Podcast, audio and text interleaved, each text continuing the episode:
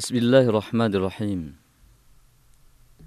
Alhamdulillahi rabbil alamin wassalatu wassalamu ala Rasulillah wa ashhadu an la ilaha illallah wahdahu la syarika lah wa ashhadu anna Muhammadan abduhu wa rasuluhu wa ba'd.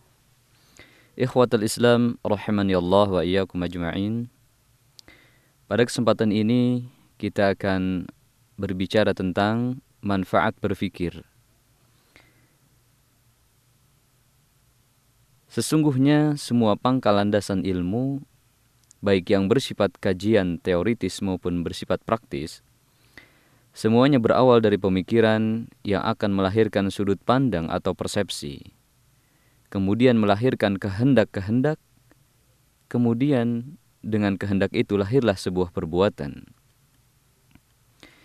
Imam Ibnul Qayyim rahimahullah pernah berkata, Pangkal kebaikan dan keburukan adalah dari pemikiran.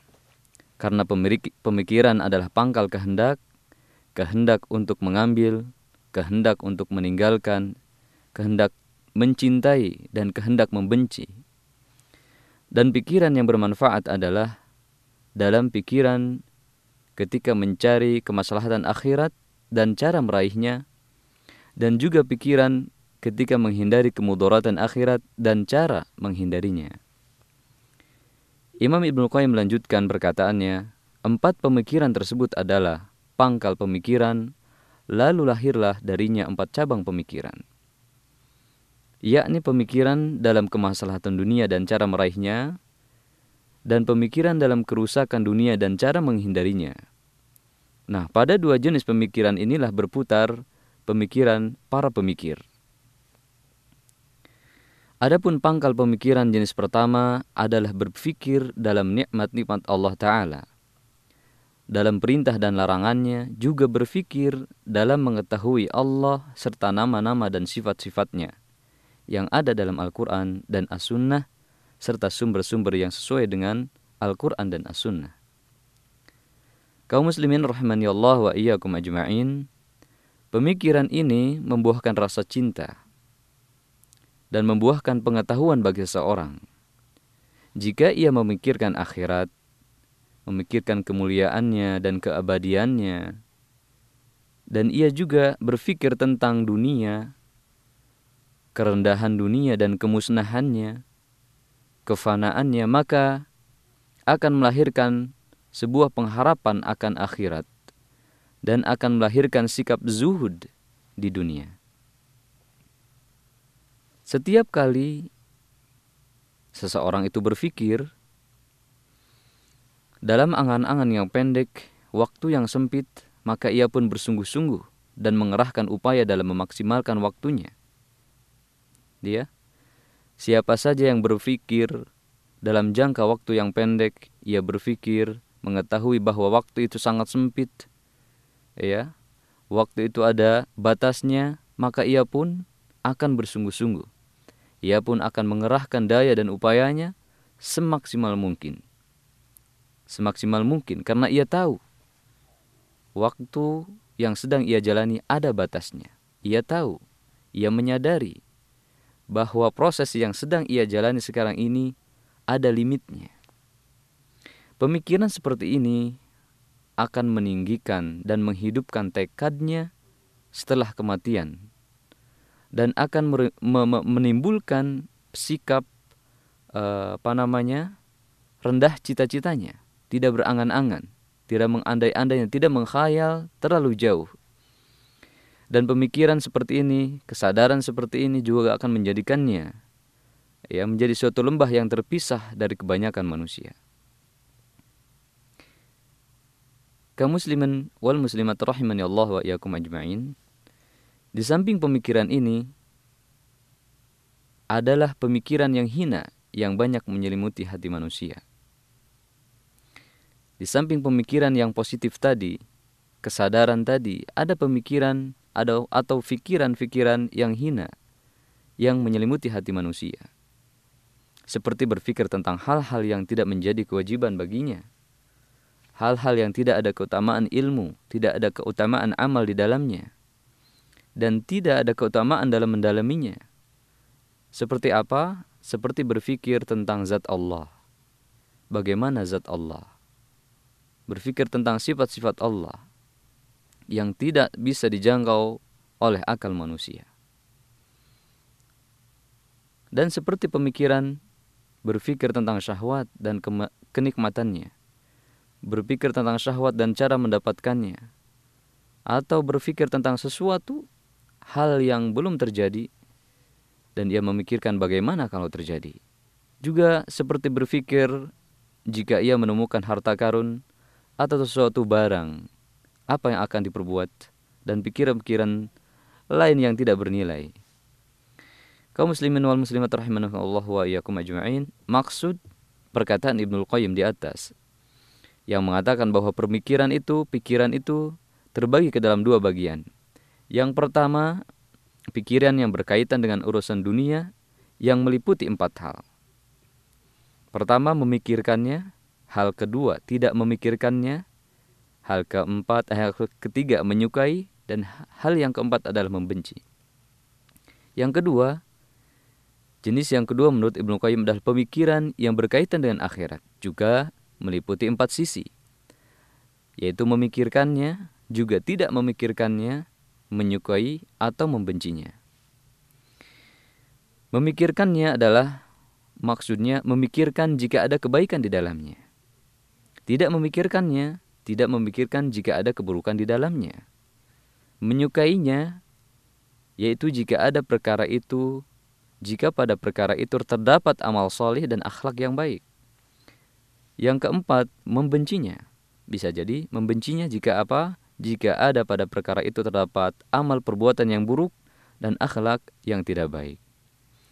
Dalam delapan sisi inilah pikiran manusia berputar. Kaum muslimin wal muslimat rahimani Allah wa iyyakum ajma'in. Selanjutnya bagaimana tahap-tahap berpikir seseorang yakni maksudnya bagaimana cara seseorang melatih pikirannya. Melatih pikirannya, dalam melatih pikirannya seseorang perlu melakukan hal-hal berikut ini. Yang pertama, melatih akal untuk berpikir positif dan produktif. Karena sebenarnya sebagian besar proyek-proyek besar, penemuan-penemuan besar yang kita lihat, yang kita ketahui, banyak sebagian besarnya muncul dari sebuah pemikiran. Bahkan pemikiran itu sederhana sekali. Yang kedua adalah menyusun pemikiran dan gagasan dan tidak menunda-nundanya, baik bersifat global maupun terperinci. Jika pemikiran tidak dirancang dengan baik, maka waktu akan habis begitu saja, tidak ada manfaatnya, dan sia-sia saja. Yang ketiga, yaitu mencatat setiap ide-ide penting yang muncul dalam pikiran kita. Mencatatnya dengan catatan khusus hingga sempurna dan jelas. Jelas waktunya, jelas apa namanya, targetnya, dan faktor-faktor lainnya yang mendukungnya ditulis dengan sempurna dan jelas. Karena seseorang banyak sekali berpikir tentang berbagai hal dalam satu waktu.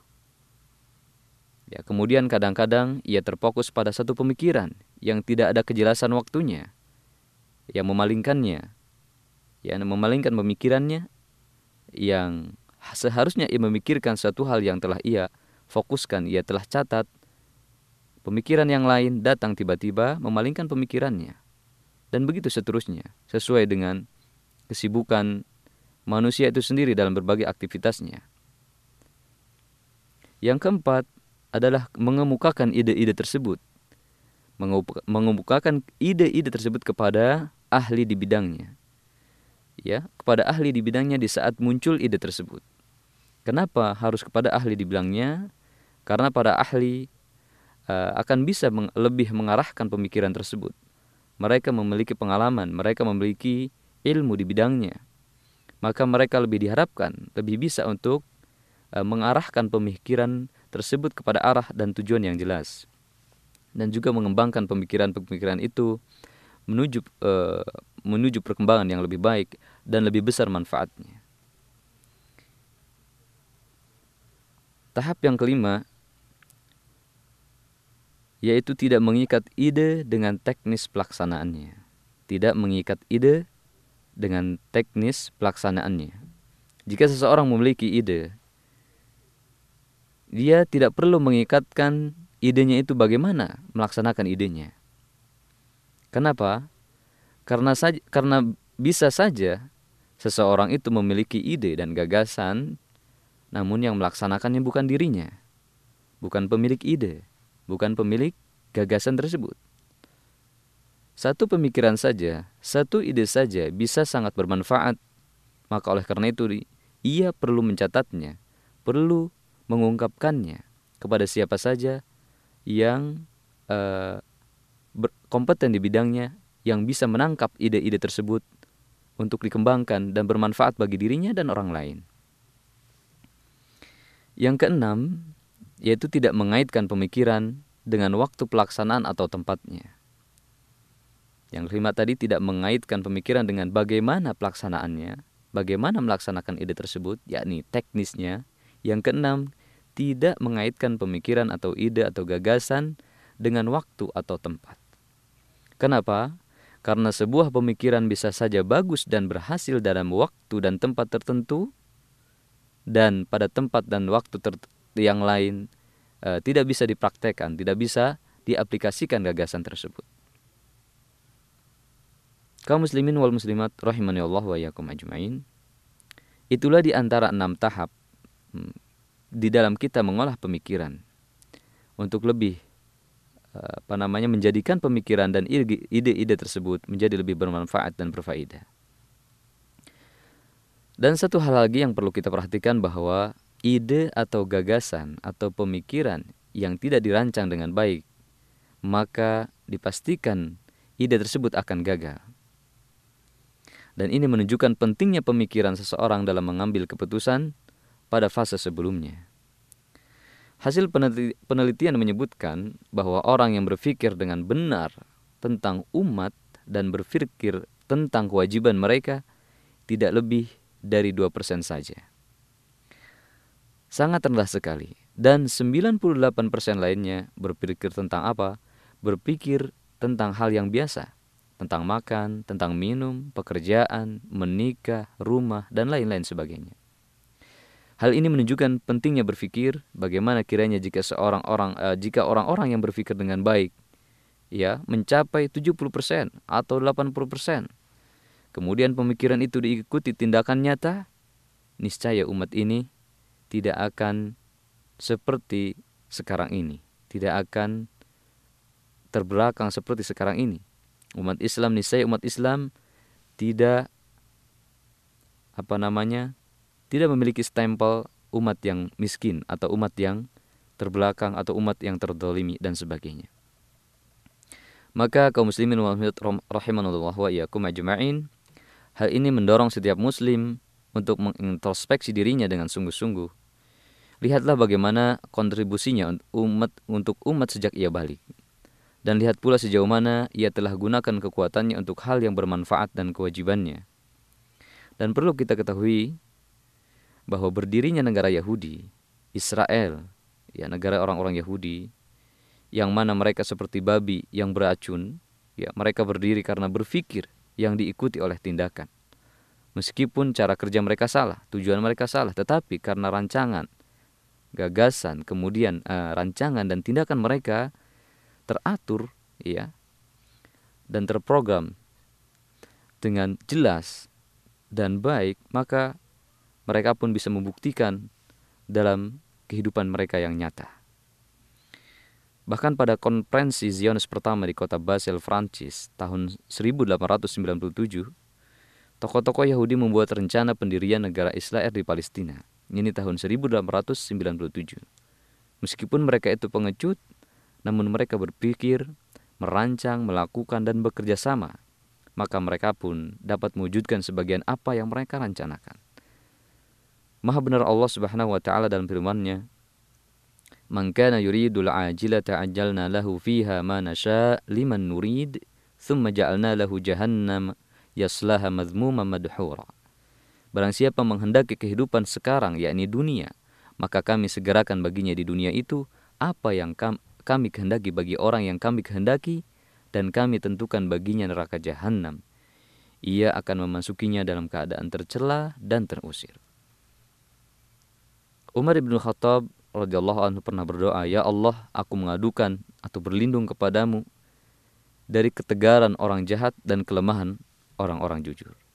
Kaum muslimin wal muslimat rahimani Allah wa iyyakum ajma'in, maka wajib bagi kita untuk bersungguh-sungguh dalam merencanakan segala sesuatu untuk kepentingan umat dan agama. Karena jika kita mengikhlaskan niat dan kesungguhan, maka keberhasilan dan kesuksesan akan kita raih dengan izin Allah Subhanahu wa taala. Wa qala Allah Subhanahu wa taala, "Man yajtahid fina lanahdiyannahum subulana." Barang siapa yang bersungguh-sungguh di jalan kami, maka akan kami berikan petunjuk baginya. Tentunya yang perlu diingat kaum muslimin muslimat rahimani Allah wa ajma'in, kita mengambil pelajaran dari pengalaman-pengalaman kita mungkin di, dari, dari keberhasilan kita atau ketidakberhasilan kita dalam melakukan sesuatu bahwa kesungguhan itu berbeda-beda kadarnya sesuai dengan masalah yang kita hadapi. Satu permasalahan mungkin kita mengeluarkan kesungguhan sebanyak 70%. Pada kesungguhan eh, pada hal yang lain mungkin kita mengeluarkan 100% kesungguhan. Dan bahkan pada hal yang lain kita tidak mampu mengeluarkan lebih daripada 100% kesungguhan. Oleh karena itu kita perlu uh, melihat secara objektif kesungguhan tersebut. Tidak berarti kita tidak bisa melakukan sesuatu uh, itu bukan berarti kita tidak bersungguh-sungguh, akan tetapi kadar kesungguhan kita pada saat itu sampai kepada kadar uh, kadar tersebut.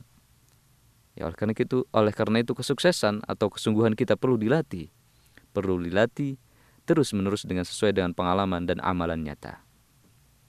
Allah Subhanahu wa taala berfirman menghikayatkan perkataan Nabi Syuaib, "Qala ya qaumi, ara'aytum in kuntu ala bayyinati min rabbi wa razaqani minhu rizqan hasana, wa ma uridu وما أريد أن أخالفكم إلى ما أنهاكم عنه إن أريد إلا الإصلاح wa ma tawfiqi illa billah alayhi tawakkaltu wa ilayhi unib Wahai kaumku, Aku tidak bermaksud kecuali mendatangkan kebaikan selama aku masih bersangkupan.